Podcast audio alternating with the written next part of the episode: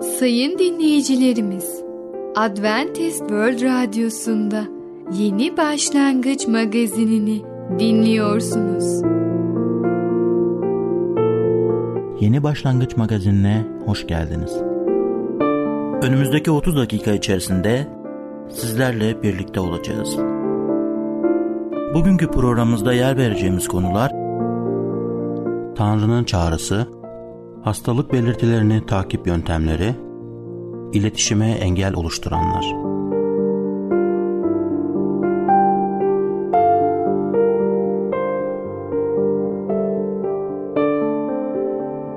Adventist World Radyosu'nu dinliyorsunuz.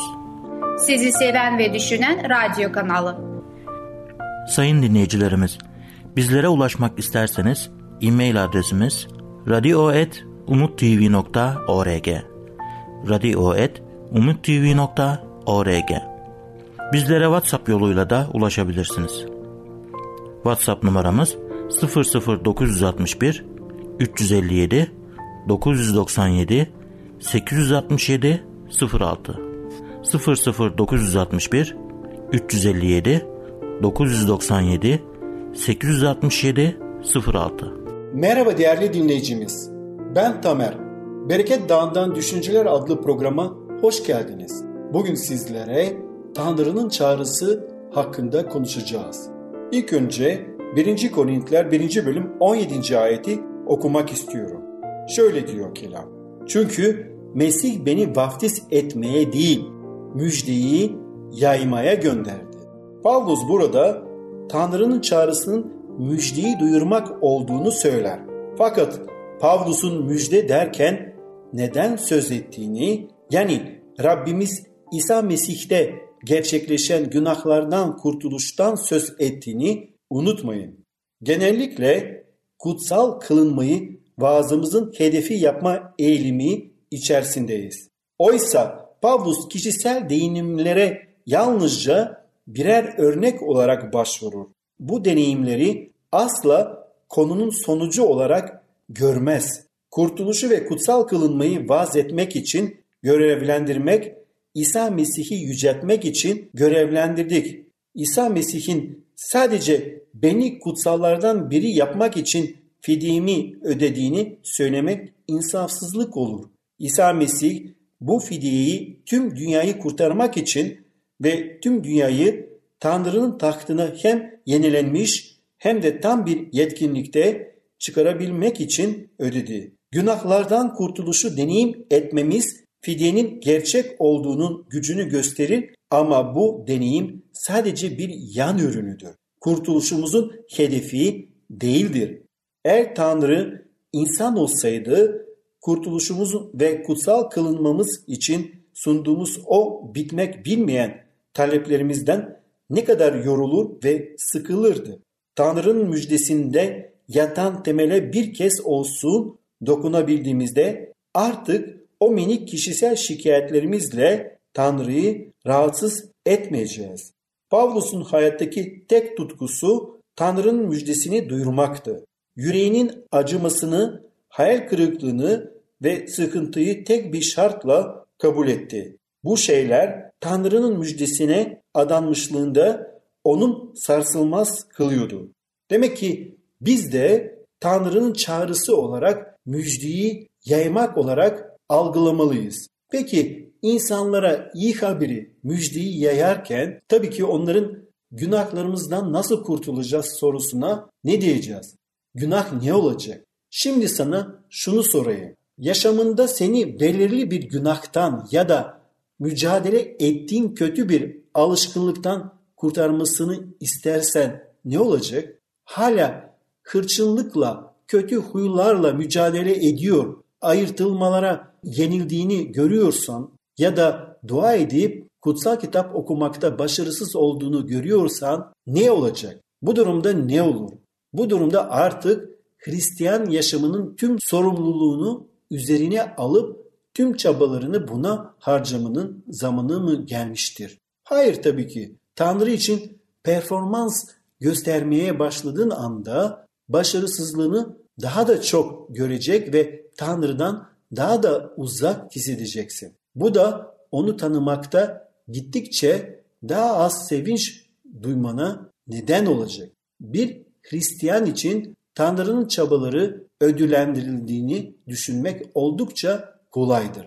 Çünkü tüm toplum böyle düşünüyor. Sorumlu ol, çok çalış, elinden gelenin en iyisini yap ve bunun sonucunda ödüllendirileceksin. Bir Hristiyan kutsal kitapta ki buyruklara bakarak evet yeterince uğraşırsan bunu yapabilirim diyebilir. Ve bu düşünce onları büyük hayal kırıklarına götürecektir. Çünkü kutsal kitap yasaya odaklanmanın sadece tek bir sonuç doğurduğunu yazar. Günahın daha çok farkına varmak. Tanrı seninle olan ilişkisini çaba ve ödül temelinde oluşturmadı. Bunun yerine ona senin yaşamında kendisini hoşnut eden şeyi üretmesi için güvenmeni istiyor. Yaşamında günahlar gördükçe onları itiraf et ve Tanrı sana şu sözü veriyor. Günahlarımızı itiraf edersek güvenilir ve adil olan Tanrı günahlarımızı bağışlayıp bizi her kötülükten arındıracaktır diyor kelam. İsa bunun bir asma üzerindeki üzümler gibi olduğunu söyledi. İsa ana asmadır ve bizim asmanın dalları gibi olmamız gerektiğini söyledi. Bende kalın ve ben de sizde kalacağım. Bende kalmazsanız ürün vermezsiniz. İsa bunun ardından şunları söyledi. Baba beni sevdiği gibi ben de sizi sevdim. Benim sevgimde kalın. İsa buyruklarıma itaat edin demisine ne diyeceğiz? Doğru yaşama şekli İsa'nın sözünü ettiği bol yaşamı tecrübe etmenin yolu ve onun size olan sevgisi hakkında daha çok ikna olmak İsa'nın söylediklerini yapmaktan geçer. İsa şöyle dedi. Eğer buyruklarımı yerine getirirseniz sevgimde kalırsınız. Tıpkı benim de babamın buyruklarını yerine getirdiğim ve sevgisinde kaldığım gibi. Bunları size sevincim sizde olsun ve sevinciniz tamamlansın diye söyledi. Sizin kendisinin doğru olduğunu söylediği şekilde sevincinizi yaşamanızı ister. Ancak onun buyruklarını itaat etmenin yolu bu buyrukları düşünürken sadece ona dayanmanızdır. Bu nedenle kutsal kitapta Tanrı'nın bunu yapın dediğini gördüğün zaman Tanrı'ya hemen şunu söylüyorum. İyi bir fikir, yaşamının seni hoşnut etmesini istiyorum ve bunu ruhun aracılığıyla yaşamımda gerçekleşmesini istiyorum. Sadece bu şekilde itaat etme becerisini geliştiririz. Tanrım bunu tek başıma yapabileceğimi düşündüğüm anda felakete doğru giderim. Ama düşüncemi değiştirmeni ya da yaşamımda ne yapmam gerekiyorsa onu yapmanı istiyorum. Öyle ki benim yaşamım bu ayetlerle uygun olsun. Bunun ardından artık bu konuda kaygı çekmiyorum. Bu ayeti yazıp öğrenebilirim hatta ezberleyebilirim. Ama tüm imanımla Tanrı'ya bakmaya devam edeceğim ve kendimi Yüce Allah'ın çağrısının üzerine odaklanacağım. Değerli dinleyicimiz, bugün Tanrı'nın çağrısı hakkında konuştuk. Bir sonraki programda tekrar görüşmek dileğiyle hoşça kalın.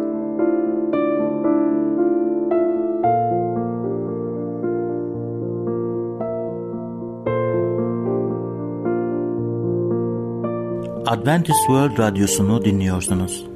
Sizi seven ve düşünen radyo kanalı. Sayın dinleyicilerimiz, bizlere ulaşmak isterseniz e-mail adresimiz radio.umutv.org radio.umutv.org Bizlere WhatsApp yoluyla da ulaşabilirsiniz. WhatsApp numaramız 00961 357 997 867 06 00961 357 997 867 06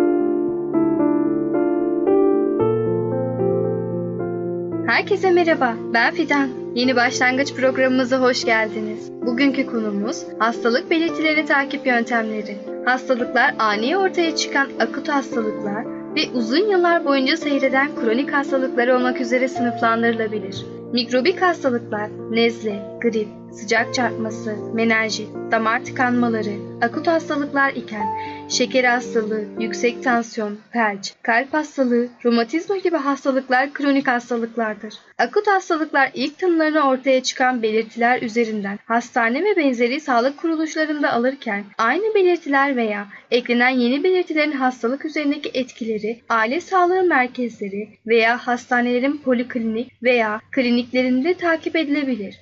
Hastalık belirtilerinin seyri, veri tabanları, elle veya bilgisayarlarla doldurulan formlar, dosyalar, sağlık karneleri gibi yöntemlerle takip edilir. Örneğin ateş nedeniyle hastaneye yatan hastanın ateşinin seyri, düşüp düşmediği, günün hangi saatinde arttığı, hastanın tedaviye yanıt verip vermediği, ateş takip çizelgeleriyle anlaşılabilir. Aynı şey tansiyon, nabız, solunum, ağrı gibi belirtiler için de söz konusudur. En iyi takip yöntemi sayısal ölçüm tekniğidir. Sayısal olarak ölçüm yapılamayan durumlarda ölçeker yani skala kullanılır. Örneğin şuuru kapalı bir hastada ateş, solunum, tansiyon, şeker gibi sayısal ölçüm yapılabilen durumların yanı sıra ölçekler ile bilincin durumu takip edilir. Nabız ölçümü, nabız kalbin bir dakika içinde kaç kere kasıldığının göstergesidir. Kalp her kasılmasıyla bir miktar kanı atar damarlara fırlatır ve damarların esneyebilme özelliğinden dolayı atar damarlarda buna bağlı bir genişleme olur. Damar duvarı bu genişlemenin ardından tekrar eski durumuna döner. Ardından bir sonraki atım ile yeni bir başlangıç dalgası ile tekrar genişler ve böyle devam eder gider. İşte bu genişleme el bileği, dirsek içi, kasık, şakak, ayak bileği gibi damarların yüzeysel seyrettiği yerlerde nabız dalgası olarak hissedilir. Nabız bize hem kalp hızı hakkında bilgi verirken hem de kalbin düzenli çalışıp çalışmadığı yani ritmi hakkında da bilgi verir. Nabız bölgelerinde birinci ve ikinci el parmak uçları ile yavaşça bastırarak nabız dalgası aranır. Önce düzenli ve ritmik olup olmadığına, daha sonra ise bir dakika içindeki sayısına bakılır. Ateş Vücut ısısının normal değerlerinin üzerine çıkmasına ateş adı verilir. Ateş vücut ısısını etkileyen bir durum olduğunun uyarısını vermek açısından doğal bir savunma aracı olarak kabul edilir. Bu durumun varlığı kişiyi, yakınlarını ve sağlık personelini olası nedenler açısından uyarır. Vücut ısısı gün içerisinde değişim gösterebilir. Yaş, fiziksel aktivite, hormonal faktörler, günlük ısı döngüsü, stres, çevre ısısı ve beslenme, uyku hali, kanama ve bazı ilaçlar vücut ısısını etkileyebilir.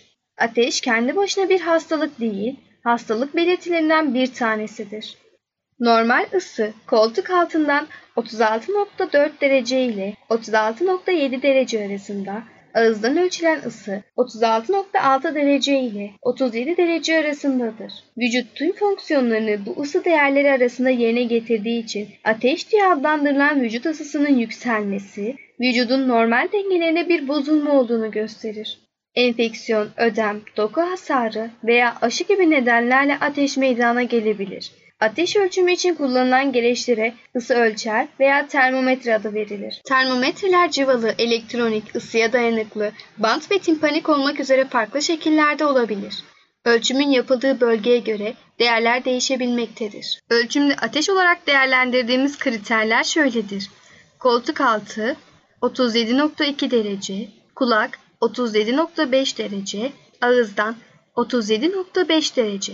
Koltuk altı ölçümü bu ölçümün güvenilir olması için koltuk altının kuru olması gerekir. Ölçüm için gereken süre en az 5 dakika olmalıdır. Kulak ölçümü Ölçüm yapacak şahsın aleti kulağa yerleştirmeden önce kulak kepçesini geriye doğru çekmesi ve ateş ölçeri yerleştirmesi gerekir. Kısa sürede yani 2 saniyede sonuç alınır. Uygulanması kolay ve hijyeniktir. Ağız içinden ölçüm Termometre su ve sabunla yıkandıktan sonra ağızdan ölçüme hazır hale gelir. Ölçüm için gerekli olan süre civalı termometre ile 3 dakika, dijital termometre için 1 dakikadır. Hasta bilinçli olmalı ve ağzında yara olmamalıdır. Çocuk ve bebeklerde kullanmak zordur. Ölçümden önce çok sıcak veya soğuk bir yiyecek alınmamalıdır. Rektal ölçüm Vital bulgular stabil seyreden hastalarda tercih edilebilmektedir.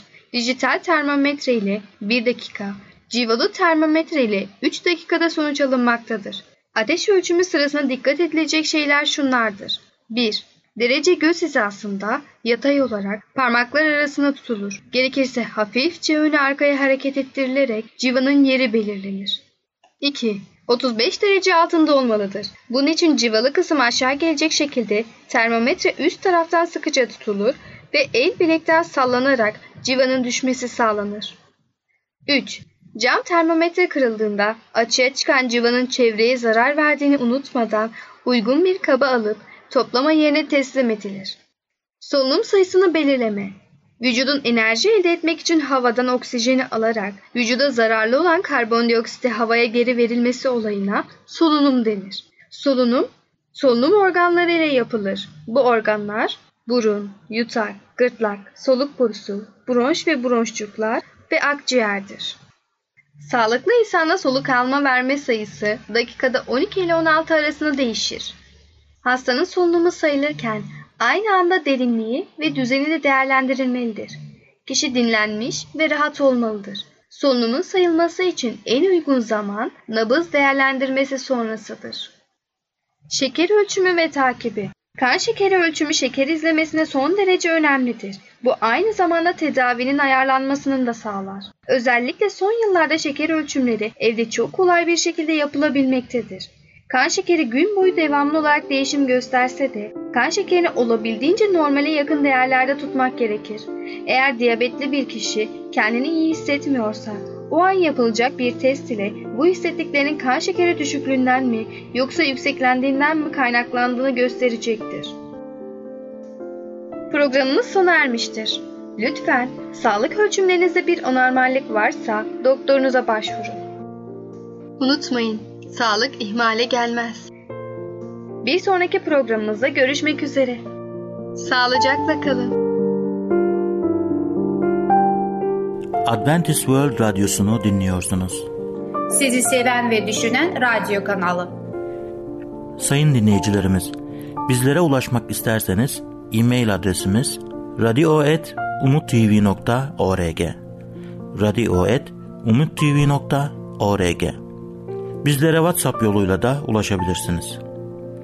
WhatsApp numaramız 00961 357 997 867 06 00961 357 997 867 06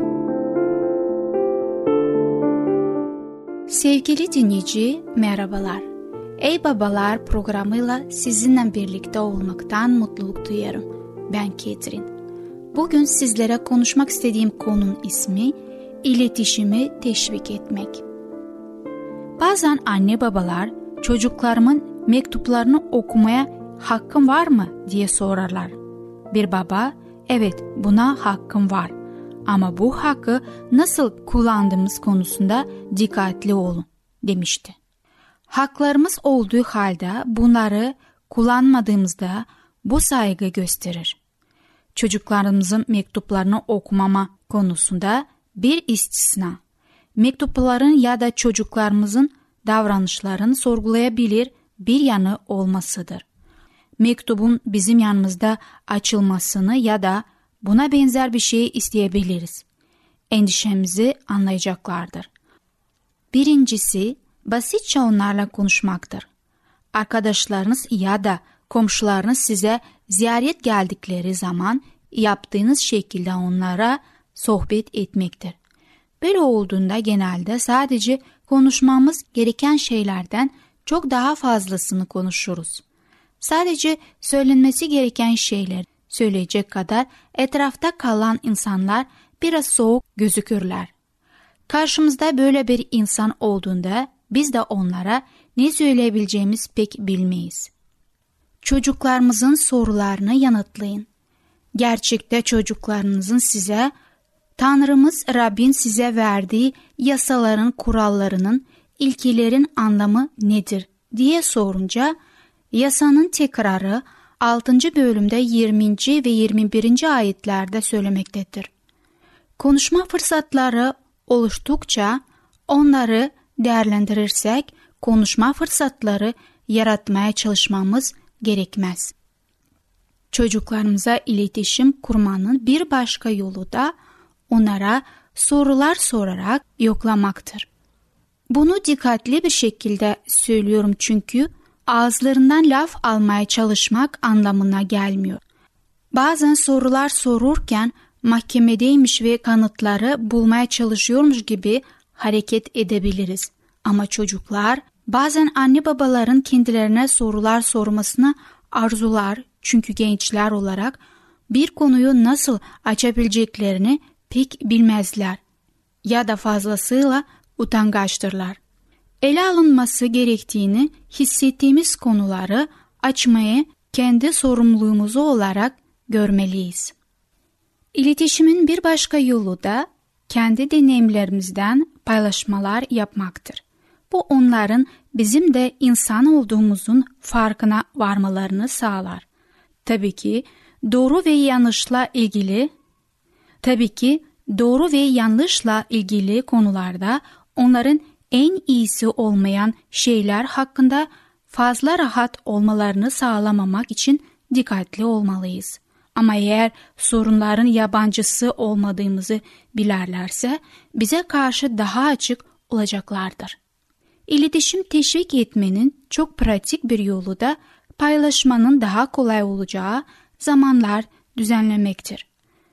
Susanna Wesley'in çocuklarında her birine onunla özel bir şekilde yalnız olmak için haftada bir saat ayırdığı söylenmiştir. Onun çok sayıda çocuğu olduğunu biliyoruz. Her çocukla özel bir zaman geçirmek önceden plan gerektiren bir şeydir. Bu zaman içinde birlikte bir proje üzerinde çalışılabilir ya da sadece ikiniz bir yere gidebilirsiniz. Bir tanesiyle gece geç saate kadar oturabilirsiniz. Bunların hepsi zaman alan şeylerdir. Ne zaman denk gelirse yaklaşımını değil, gerçekten zaman gerektiren şeylerdir. Özel olarak ele alınması gerekmeyen bir konu olduğunda iletişim üzerinde çalışmak önemlidir. En iyi öğrendiğimiz zaman üzerimizde baskılar olmadığı zamanlardır.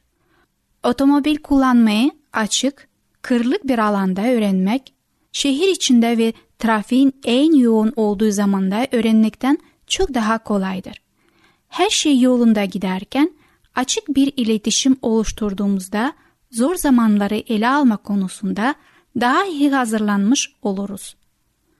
Onlara sadece özel bir sorun olduğu zaman değil, sürekli olarak iletişim içinde olmak istediğinizi anladıklarında bu onların gergin olmamalarını sağlar.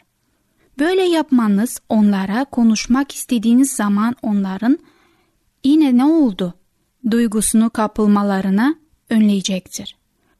Bunlar iyi ilişkiler oluşturmaya yardımcı olacak birkaç gündelik yöntemdir. Kendimize zarar verecek yöntemler de vardır. Bunlardan uzak durabilmek için bunları da yele almak istiyorum.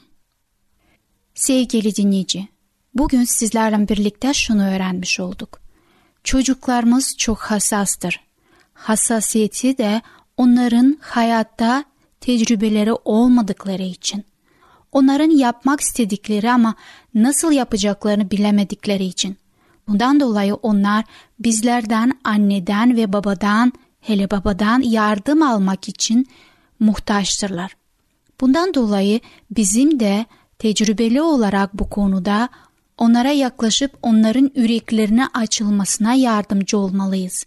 Onların söylediklerini, sorduklarına kulak vermeliyiz.